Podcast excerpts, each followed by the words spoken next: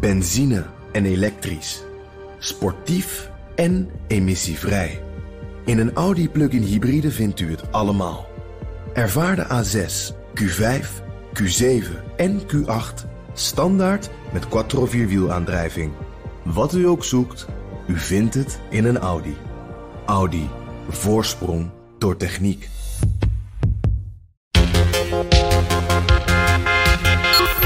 De volgende kansler zal een keus moeten maken.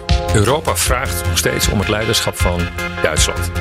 En anders zal Frankrijk het proberen. En Frankrijk heeft deze week natuurlijk een enorme optoffer gehad vanwege die, um, uh, zeg maar die onderzeeërs, die, uh, die deal die niet is doorgegaan. Door ze ook een beetje uit uh, dat, dat gezelschap van Anglo-Saxische landen is gestoten. Tegelijkertijd, wat gaat die nieuwe kansler doen? Gaan we daar een Europees alternatief tegenover stellen?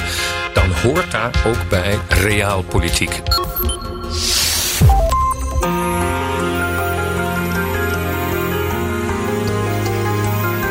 Je luistert naar De Stratege, een podcast van BNR in samenwerking met het Den Haag Centrum voor Strategische Studies. Mijn naam is Paul van Liemt. When it was her turn to speak, she just very softly said, No one needs to talk to me about freedom.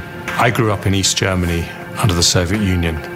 You could not get a bigger contrast in personality between the, the fiery, emotional President Trump and the cool, calm Angela Merkel. Opinion polls showed the SPD maintaining their strong lead over the conservative CDU-CSU bloc. The Green Party may turn out to be the kingmakers in the election. They're in third place. Ich wurde nicht als Kanzlerin geboren und auch nicht als Parteivorsitzende. Wahrlich nicht. Heute, in dieser Stunde, in diesem Moment bin ich von einem einzigen, alles überragenden Gefühl erfüllt, von dem Gefühl der Dankbarkeit. Es war mir eine Ehre. Herzlichen Dank.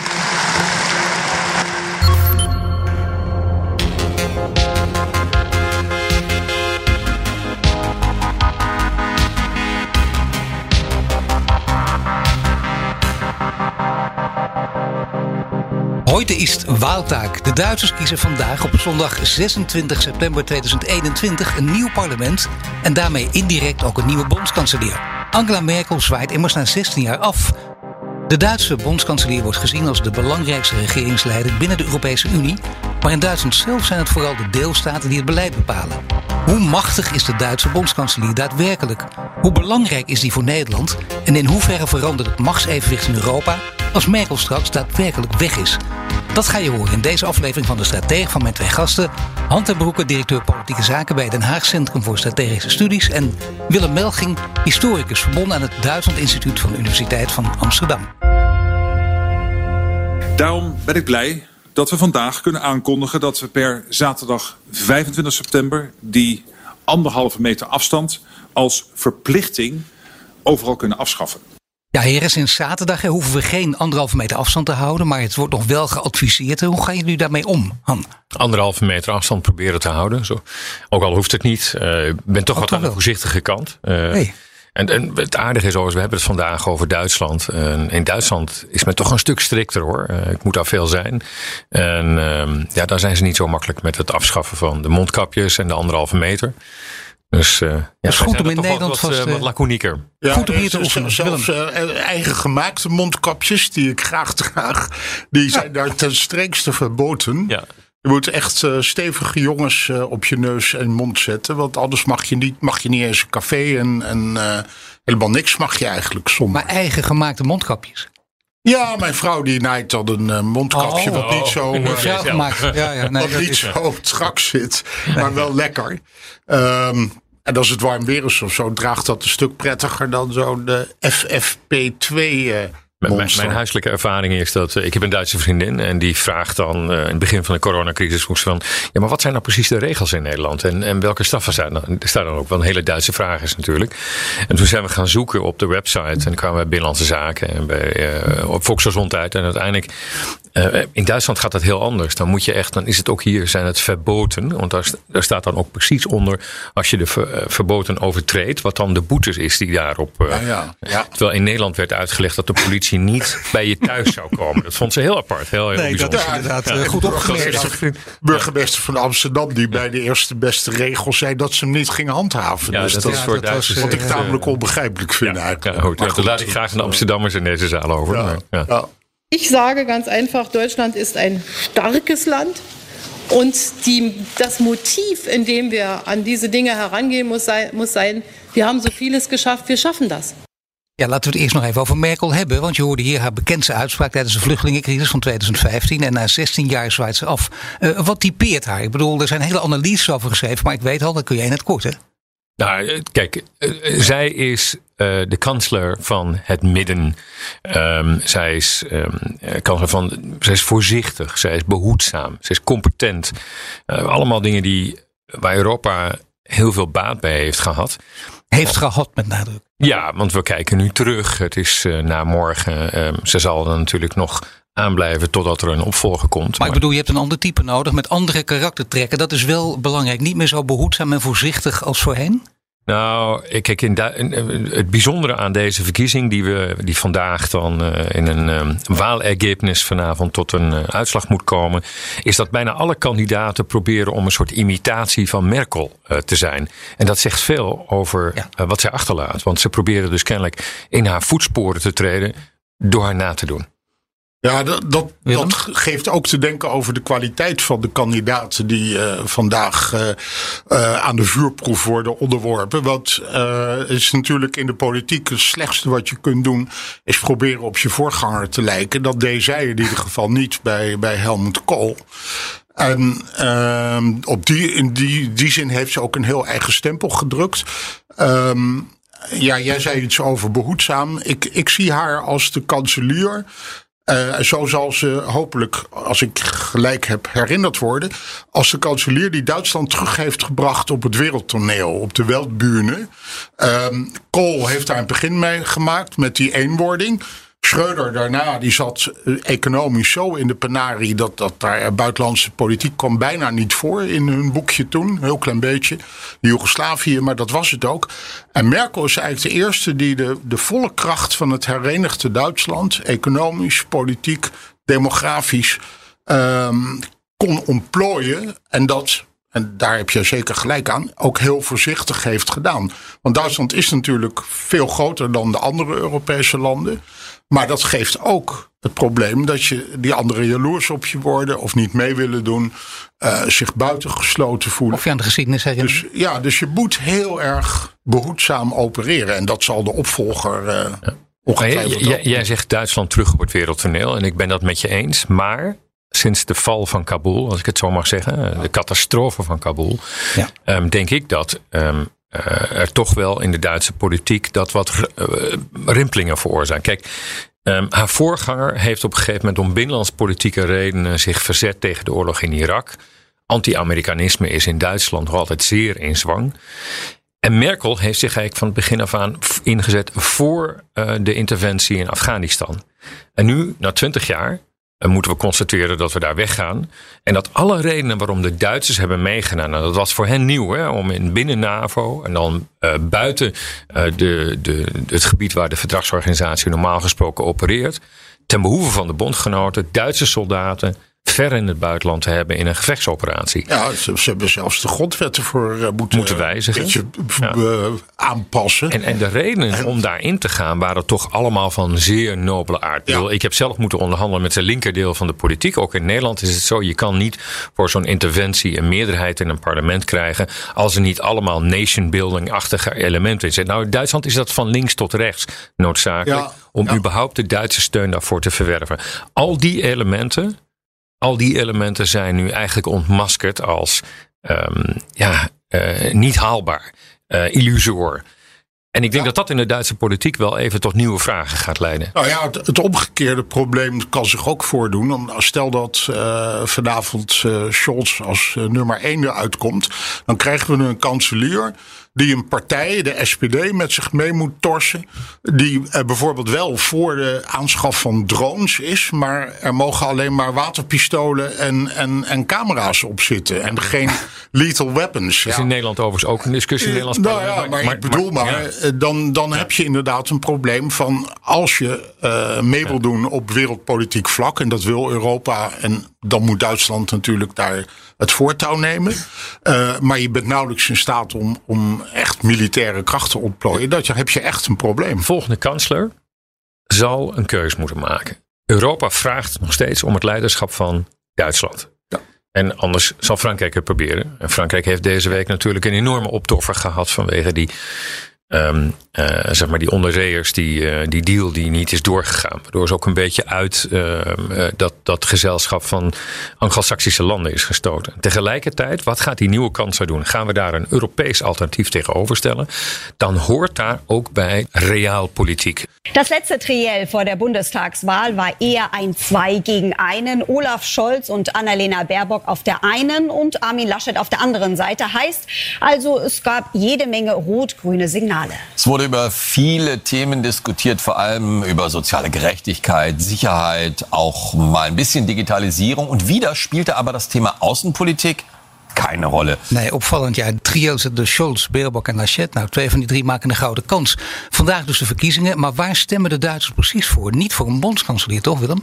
Nee, nee dat, uh, dat kan niet. Maar het scheelt uh, minder dan in Nederland. Want uh, de volgende stap is als de Bondsdag bij elkaar komt. Dan kan een van de partijen een kandidaat naar voren schuiven.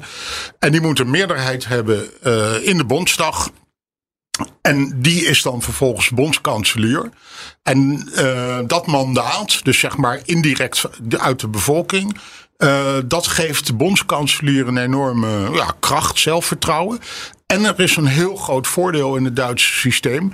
Je kunt geen uh, motie van wantrouwen indienen.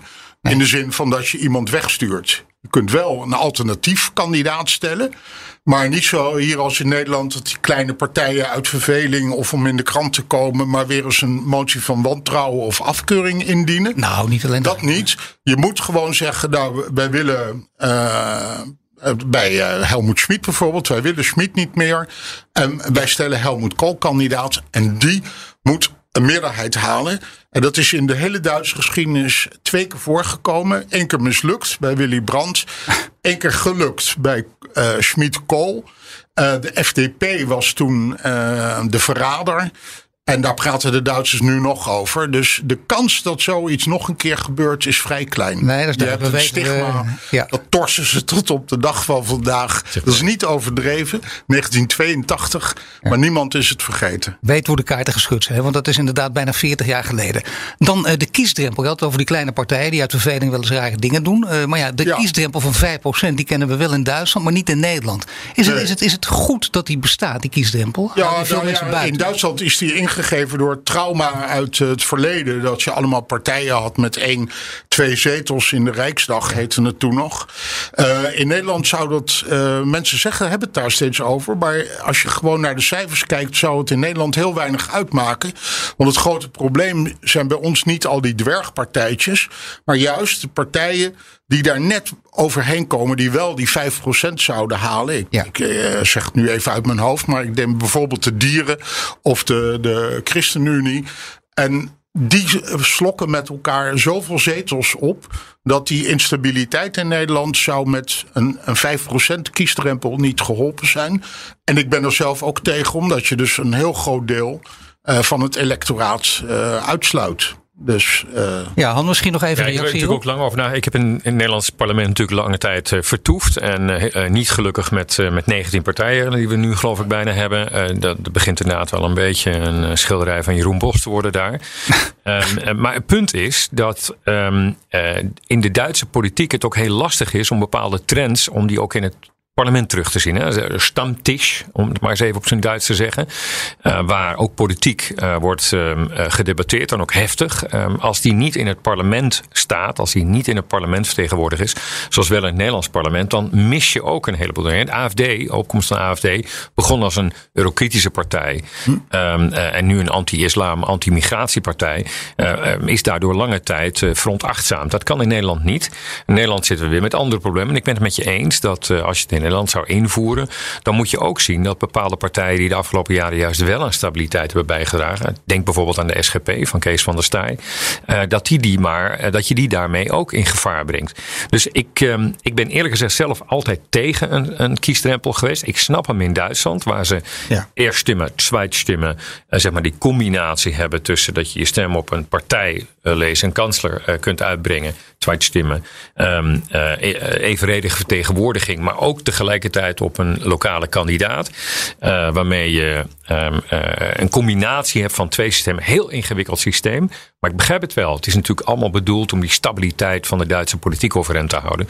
Ja, en dat hebben we in Nederland, hebben we, hebben daar wat minder. Uh, we hebben niet dezelfde spoken. Okay, het was ook het idee om. om uh, je moet uh, begrijpen, de Amerikanen en de Engelsen hadden Duitsland bezet. En die hebben over de schouders meegekeken toen dit soort wetten werden gemaakt en de grondwet werd gemaakt. Die gingen natuurlijk uit van een twee-partijenstelsel, want ja, alle grote landen hadden dat. Ja. Um, en in Duitsland heeft dat ook een hele tijd gefunctioneerd. Twee grote partijen en een kleine liberale die naar believen met, met de anderen in zee kon gaan.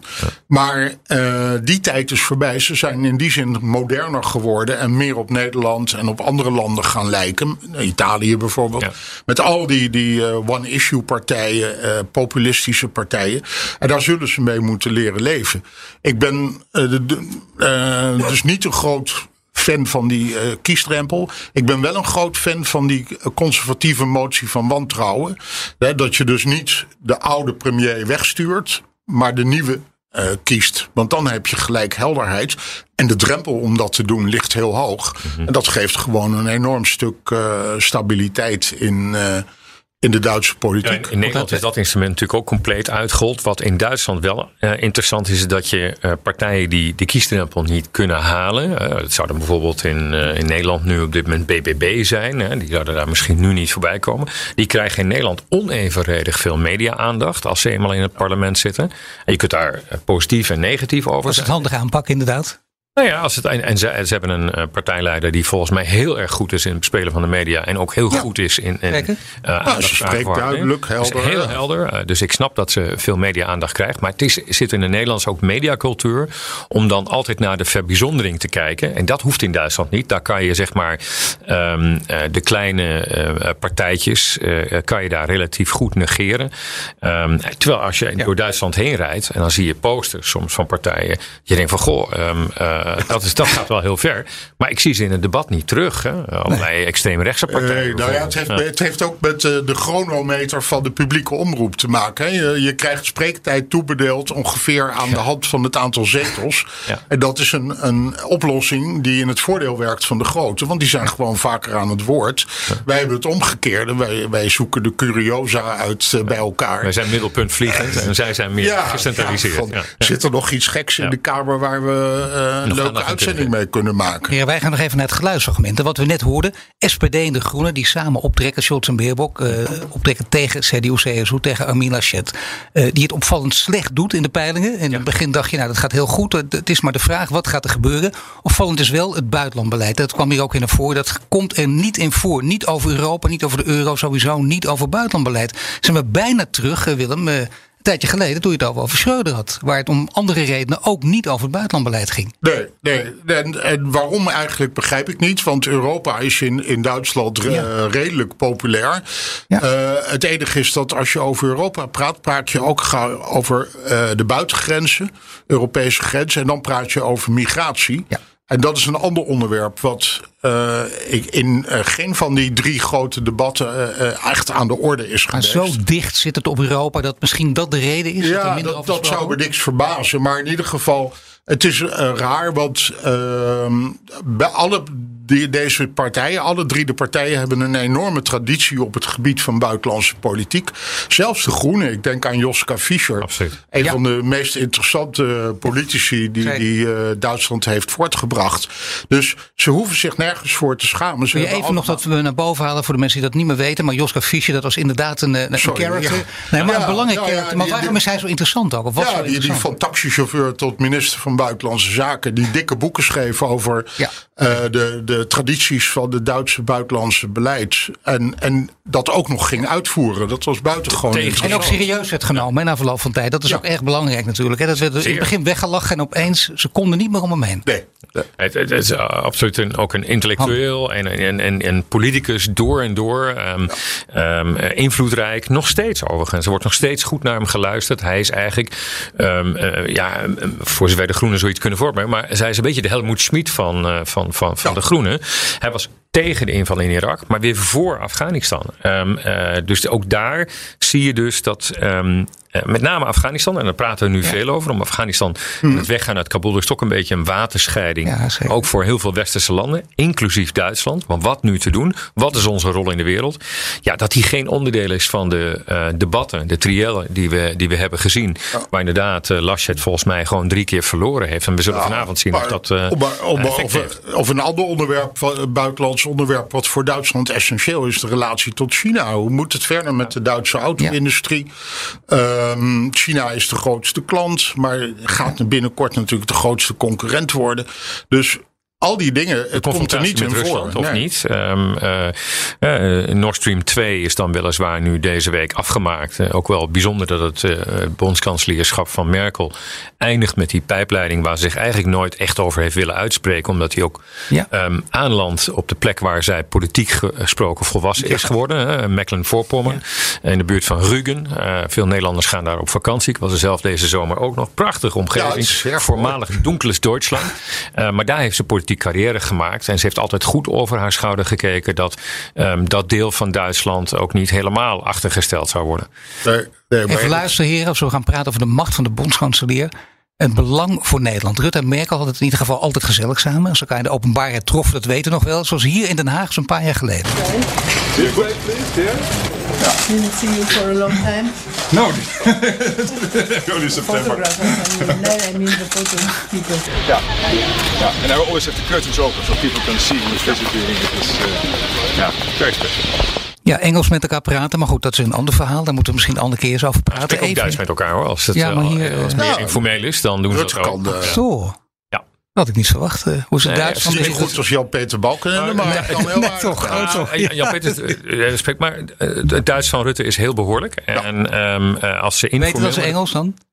In Engels is ondertussen ook heel behoorlijk. Wel, ja. um, maar uh, als ze, als ze zeg maar informeel met elkaar zijn, dan spreken ze ook, uh, ook Duits. Uh, in het begin uh, spraken ze Engels en dan, uh, of Duits met um, zeg maar een dolmetscher daartussen. Ja. dat is niet meer het geval. En ja, ze kunnen elkaar goed vinden. Als je in een torentje bent, dan um, zit achter de, de schrijftisch van Mark Rutte, de, de, het bureau van Mark Rutte, zie je ook één portret. Eigenlijk twee portretten. Eén is, um, uh, één is van Thorbecke, uh, die hangt. En uh, staat tussen de boeken een portret van, van de bondskanselier van Merkel dat zij hem zelf heeft gegeven. En staat daar tussen de boeken. Dat is eigenlijk de enige um, contemporaine leider die die in zijn, in zijn werk bedoelt. Ja. En Drees. En, er is ook oh, nog toch? een, ja, er is ook nog niet een, wat voor hem staat. Dat ja, er is ook nog een, een buste van Drees. Ja. Ja. Ja. Is het wel interessant om te weten. Hè? Mensen denken vaak de bondskanselier dat is per definitie de grootste partij. Dat is in Duitsland niet het geval, toch Willem? Dat hoeft toch niet? Als SPD bijvoorbeeld wint, dan zou het kunnen in een coalitie met CDU, CSU, dat de laatste de bondskanselier levert. Ja, dat, ja dat, dat is een mogelijkheid. Die is wel een beetje theoretisch, maar het zou kunnen. Maar dan moet je wel van tevoren afspreken dat je samen uh, voor, de andere, voor die kandidaat uh, gaat stemmen. En um, dat maakt het zo spannend, want we weten morgen eigenlijk pas als alles geteld is, hoe het dan uh, echt eruit gaat zien. En uh, het zal heel dicht bij elkaar liggen. En uh, dan wordt het een heel ingewikkelde configuratie. Welke partijen met elkaar uh, kunnen.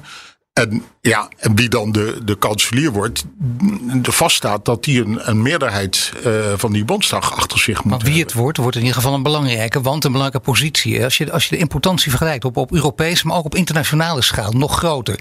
Uh, vergelijk bijvoorbeeld eens de bondskanselier met de president van Amerika. Nou, op het gebied van de buitenlandse politiek wel. Binnenlands is een, kanselier, een Duitse kanselier wat, wat minder machtig, omdat de deelstaten, het zijn er 16, die gaan over onderwijs en zorg en politie. Dus alles waar heel veel geld om gaat, dat is al weg. Dat zit niet in Berlijn, dat, dat geld, maar dat zit in de deelstaten. Um, maar um, omgekeerd kan een kanselier, kan sowieso de boventoon voeren bij de buitenlandse politiek en kan een bepaald probleem ik noem maar wat, de energie bijvoorbeeld, tot chefzag verklaren. Mark Rutte die roept dat nu ook steeds. Die vindt dat een mooi woord. Ja. ja. ja. valt op de laatste tijd zeker. Ja. En hij zegt het dan ook nog op zijn Duits. Dat is wel charmant. En uh, als jij er chefzaggen van maakt, betekent dat jij de coördinatie overneemt. En dan kun je iemand aanstellen in jouw uh, kans, kanselambt. Uh, dat is niet voor niks, zo'n groot gebouw. Um, en dan ga je zo'n zaak coördineren. Ze heeft dat bijvoorbeeld bij de corona geprobeerd. Dat is maar gedeeltelijk gelukt. Maar met andere zaken, de energiewende of ehm, de buitenlandse politiek. Of op het moment van de migratiecrisis, die migratie uh, aanpak, dan kan zo'n kanselier zich heel uh, machtig. Maar hoe vreemd is dat het tijdens de verkiezingen daar niet over ging. En dat dat een heel belangrijk thema is. Buitenland groot. En je weet als bondskanselier, ja. dan ga je daarover. Uitgerekend in een land met deelstaten. Daar ligt de macht. Ja. En toch weten we niet precies wie daar het beste kan uitblinken. Of we weten dat Laschet in ieder geval niet kan. Van deze drie. Van deze drie. Uh, ja, dat, dat, dat vind ik moeilijk te zeggen. Laschet heeft een, een deelstaat die groter is dan Nederland. Dus hij kan echt wel wat als bestuurder. Ja. Noord-Rijn-Westfalen, onze ja, deelstaat. Ja. ja. Scholz draait al, al eindeloos mee in de politiek. Is een routinier.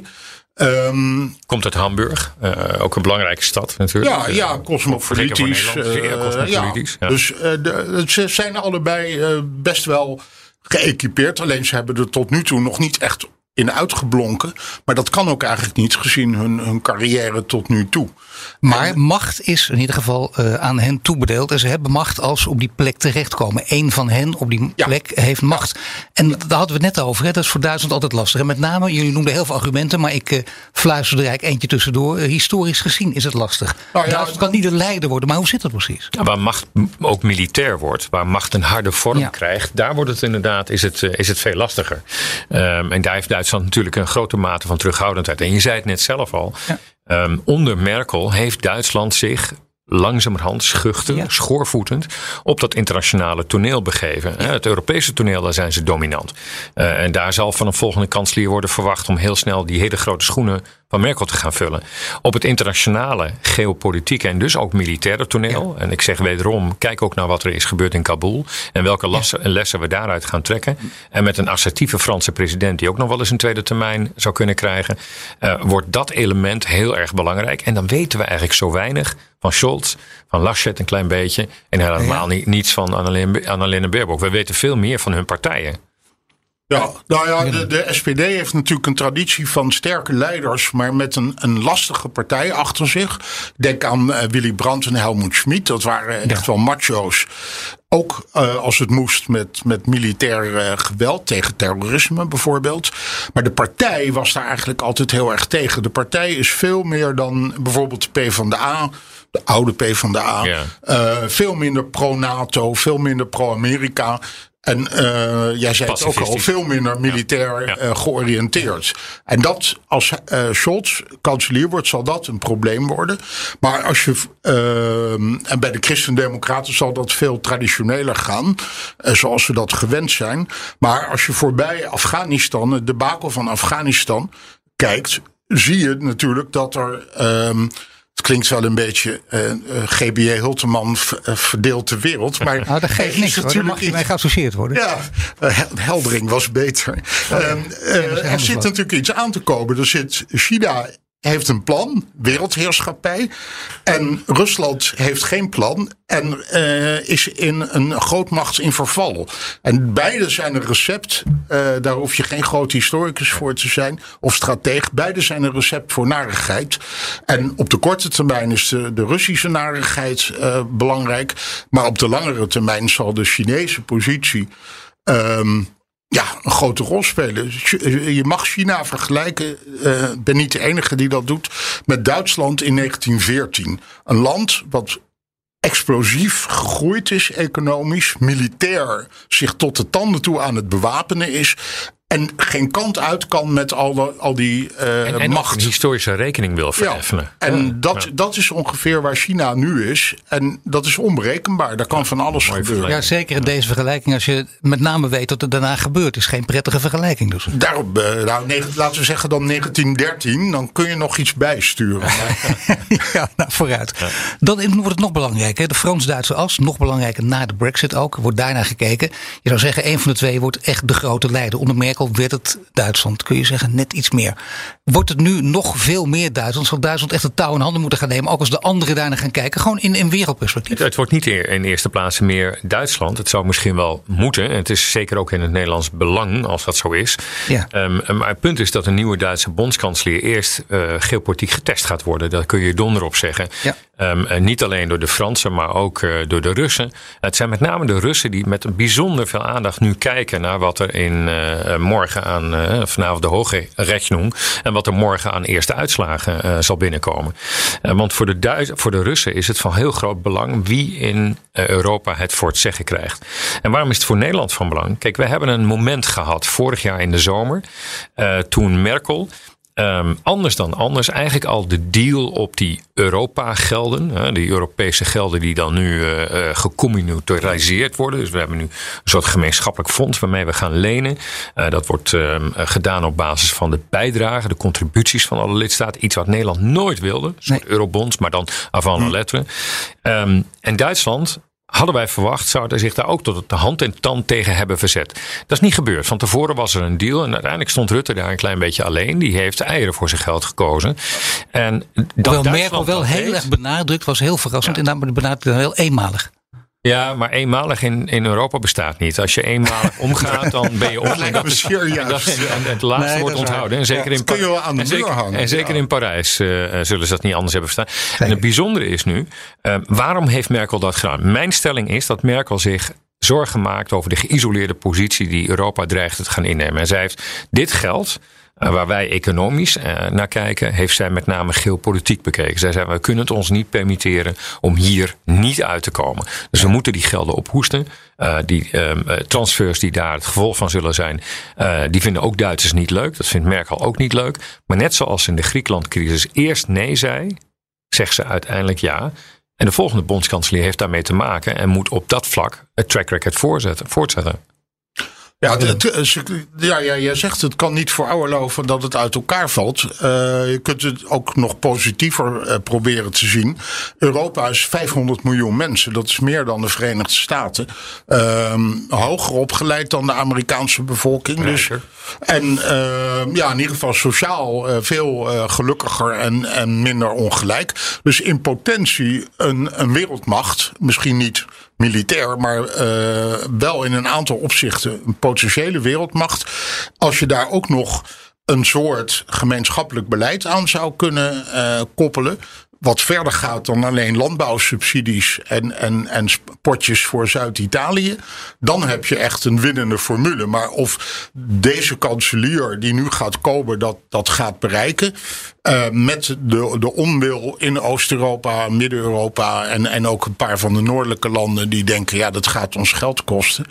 Dat is, dat is de vraag. Ja, maar dat is het moeilijkste wat er is, wat je natuurlijk nu zegt. Nou ja, en, Joska als je dan toch iemand wilt testen, dan kun je dat natuurlijk op dit punt even gaan uitproberen. Nou ja, de Engelsen die zijn eruit gestapt. Want die zagen dit natuurlijk voor zich. En wie A zegt, moet B zeggen. Nee, Joska Fischer zei een keer... uh, Europa is eigenlijk een roeiboot midden in de rivier. En die rivier die stroomt behoorlijk hard. En we moeten of naar de overkant, meer eenheid... of we moeten terugroeien. Maar we kunnen niet in dat midden blijven dobberen. Maar dat zei hij al vijf, zes jaar geleden. En we dobberen eigenlijk nog steeds in dat midden. Nou, dat werd ook uh, Merkel verweten. Althans, sommigen vonden dat een compliment. Dat Ja. het voortmodderen, voortmodderen. Ja, soms helpt dat in de politiek, Ja, denk ik. Maar niet altijd. Moet er zo'n harde keuze worden gemaakt? is eh, Nee, maar hand is wel interessant. Dan moet er zo'n harde keuze worden gemaakt, inderdaad. door Die Joska Fischer toen voorstelde. Want als dat zo is, nou, dan zit je helemaal op een plek als Duitse bondskanselier. Nee, Kijk, voort, voortmodderen is wel eh, de middle name van Europa. En, en eh, als we iets meer afstand nemen, dan is dat vaak nog niet zo slecht. Kijk, als je terugkijkt naar de erfenis van Merkel, en dat doen we hier toch ook vandaag, eh, dan moet je ook constateren dat er in ieder geval een begin is gemaakt nu met een geopolitiek Europa. En dat het niet overal even gemakkelijk is. Omdat er lidstaten zijn die hun oren hebben laten hangen naar China. Of dat er lidstaten zijn die een binnenlands politieke druk voelen om hun oren te laten hangen naar Rusland. Dat is allemaal tot je dienst. Desondanks.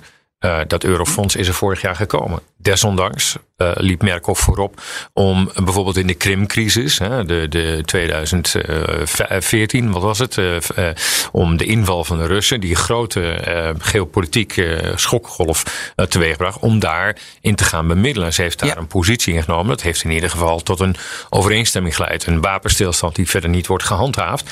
Maar voor de Oekraïne is um, Merkel in de weer geweest. Hè. Franse president probeert het altijd. Ja. ja, maar, maar Merkel deed het. Hollande liep eigenlijk in haar gevolg. Je mocht mee. Je mocht mee, ja. Um, en dat is toch iets anders dan wat we daarvoor zagen. Dat bijvoorbeeld Sarkozy, heel druk, heel bezig, um, probeerde Europese, met name Franse leiders, altijd als eerste ergens in een crisis, in een brandhaard te landen. Om daar hun presentie te laten zien. Wat uiteindelijk niet zo heel veel geholpen heeft. Um, uh, dus als er een begin is van een geopolitiek Europa, uh, dan wordt dat in Frankrijk gehoopt en bedacht. Maar dan moet het door Duitsland worden uitgevoerd. Ja, misschien ook wel betaald, maar niet betaald. Maar in ieder geval, ja, nee, nou, nou, we gaan allemaal aan betalen. Het, het, maar, ja. Nee, maar het, is natuurlijk een probleem als je de militaire grootmacht wil worden. Een, uh, maar één van de, de lidstaten heeft natuurlijk kernwapens. Dat is, ja. dat is heel vervelend. Maar dat telt toch wel heel erg mee. Als je ja. die hebt, dan, dan mag je meepraten met de grote jongens en meisjes uh, in de rest van de wereld. Ja. En dat is natuurlijk binnen Europa wel heel lastig. Wie moet daar dan over beslissen? Dat, ja, Frans Timmermans of zo met vijf assistenten, ik weet het niet. Maar uh, dat is de slagkracht. boodschap aan al die Frans Timmermans die, ja, soms ja. die nog denken dat er een Europees leger is. Die moeten mij dan ook maar, maar eens uitleggen hoe dat dan zit met, een, met de nucleaire ambities. Hè. Nou ja, Want maar het is de niet Fransen zijn daar heel helder over. Dat betekent dat je meebetaalt aan de Franse vorst Frap. Uh, maar dat je nooit mee beslist over Nee, wat er daarom, dat, wordt gaat, dat gaat niemand Dat- doen. Dan Dat- zijn we slechter af dan nu met de Amerikanen in de NAVO. Precies, dus de- er is altijd dat dilemma van we hebben al iets moois, de, de NAVO. Dat is wonderbaarlijk, die bestaat al sinds 49. Maar hij, hij doet het nog steeds een beetje. En ehm, ga je daar in ruil daarvoor iets heel onzekers doen? Ehm, of misschien dat er een modus wordt gevonden om een soort Europese ehm, ja, snelle interventiemacht Ja, in die- overleg met die, de die NAVO. hebben we ook. Die is, ook, Ik weet het niet, die is op papier ook heel snel. Uh, je moet binnen 48 uur moeten zoveel troepen kunnen worden verplaatst. Ja. En we hebben natuurlijk um, uh, allerlei Europese bataljons die, die bij elkaar geraapt kunnen worden. Alleen hij wordt nooit ingezet. Hè. Dat is een beetje wat ze vroeger zeiden, use it or lose it. En we zitten meer op het, op het lose it scenario. Daar moet die NAVO, en de NAVO maakt nu zijn zoveelste identiteitscrisis door vanwege Kabul. Maar de NAVO heeft ook altijd bewezen dat ze daar weer uit kan groeien. Dat hebben we na de muurval van de muur gezien. Uh, dat hebben we eigenlijk na het begin van Afghanistan gezien. Dat zullen we nu na het einde van Afghanistan zien. Er is alleen één ding nieuw. En daarom is het zo interessant wat de Duitsers en wat de volgende bondskanselier hierop gaat doen. Wat zal de positie van Duitsland daarbinnen zijn. Want um, ja. als de Duitsers de, uh, weer terugkruipen in hun schulp, als hun schuchterheid om aan internationale avonturen deel te nemen, als die weer groter wordt, als dus hun passivisme weer gaat opspelen, en dat hangt ook samen met of hoe links um, uh, een volgend kabinet wordt, ja, dan maak ik mij grote zorgen. Als het realisme de boventoon gaat voeren en het, het, het kan winnen van het idealisme uh, wat um, gepaard ging met bijvoorbeeld die keuze voor die inzet, ja, dan kan Duitsland inderdaad Europa helpen om binnen die NAVO een soort van Europese pijler te vormen. Iets wat al sinds Kennedy wordt gehoopt en waar ik zelf ook een groot voorstander van ben. Goed heren, er is nog heel weinig zeker op het moment van praten. Eén ding is wel zeker, namelijk dat Merkel vertrekt, waar we ook mee begonnen zijn. Maar we weten nog niet precies wat ze gaat doen. Hè. Zelf had ze het over nee. een beetje boekjes lezen, dan langzaam indutten en dan ja, weer verder denken. wandelen in Zuid-Tirol, daar ja. gaat ze graag heen. Maar daar kan het ook bij blijven. Wij worden misschien allemaal verkeerde been gezet. We denken dat ze nog hele grote uh, ambities hebben. Ja, maar misschien is dit het wel. De stille hoop. Uh, Adenauer was 73 toen hij begon. Dus ze kan nog, ze kan nog Goed 20 terug. jaar mee ongeveer. Dus dat, wat dat betreft, dat zou wel fijn zijn. Maar dat willen we denk ik ook niet. En nou ook haar niet aandoen. Want als je die foto's ziet, ze is toch echt wel... Uh, heeft wel een, uh, een veer gelaten in die jaren. Het is loeizwaar natuurlijk. Nee, voor, voor uh, wat ze gaat doen, ik heb geen idee. Ik dacht ooit, misschien wordt ze iets heel moois bij de Verenigde Naties of zo. Of secretaris-generaal. Nou ja, het had gekund. Europa, Europa was aan de ja. beurt, een ja, vrouw. Dus, maar er zit nu, de, de, de, Gutierrez is net voor de tweede keer herbenoemd. Dus voorlopig wordt dat geen. Wat gaat ze wel doen? ook niet. Wat gaat ze wel doen, denk je? Nou, er zijn geruchten dat ze um, de afspraak heeft met uh, Barack Obama om uh, toe te treden tot zijn stichting of zijn foundation, zijn denktank misschien zelfs wel. Uh, die geruchten komen voort uit de gedachte dat Barack Obama haar ook heeft overtuigd toen in dat dineetje ja. wat ze met z'n tweeën hebben gehad. Mm. En toen Trump werd gekozen en Obama natuurlijk zag gebeuren dat, dat, dat het misschien heel slecht zou gaan met de westerse wereld, ja. heeft hij haar aangespoord, althans dat zijn de geruchten, om nog een keer het bondskanselierschap uh, op zich te nemen. Dat heeft ze gedaan. Dus misschien dat ze onderdeel van die deal is dat ze dan nu met Barack Obama gaat samenwerken. Maar dat is interessant zijn. Gerhard Schreuder heeft al gekozen voor Poetin en zij kiest voor Obama. Ja, Poetin is gereten, maar ik vind Obama wel wat chiquer. Ja. ja.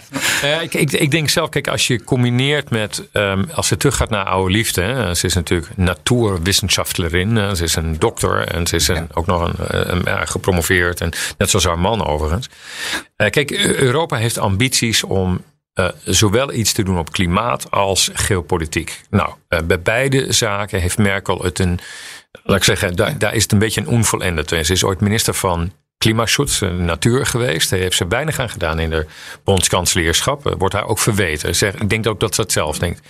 Geopolitiek is er voor Europa veel te doen en voelt zich voor verantwoordelijk. De volgende race, uh, geopolitiek gesproken, zal plaatsvinden in space, uh, dus in de ruimtevaart. Oh ja. Dus ik heb wel eens bedacht, misschien moet ze uh, die nieuwe Europese ruimtevaartorganisatie, die ongetwijfeld volwassener wordt op het moment dat wij doorhebben dat we onze eigen lanceringen moeten kunnen doen en niet afhankelijk zijn van ergens Frans-Guyana waar we nog wat kunnen zeg maar, lanceren. Paf, en dan moet ze ja. daar leider van worden. Dan kan ze alles combineren.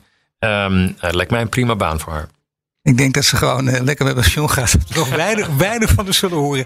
Hand ten Broeke, hartelijk dank, directeur politieke zaken bij Den Haag Centrum voor Strategische Studies. En Willem Melging, historicus verbonden aan het Duitsland Instituut van de Universiteit van Amsterdam. Wil je meer afleveringen van de Stratege terugluisteren? Je vindt hem op Apple Podcasts en Spotify, maar ook in de BNR-app of op bnr.nl. Tot de volgende keer.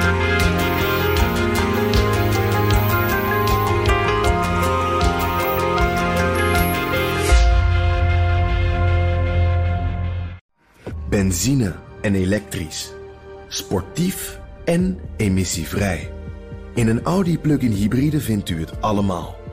Ervaar de A6, Q5, Q7 en Q8 standaard met quattro vierwielaandrijving. Wat u ook zoekt, u vindt het in een Audi. Audi. Voorsprong door techniek.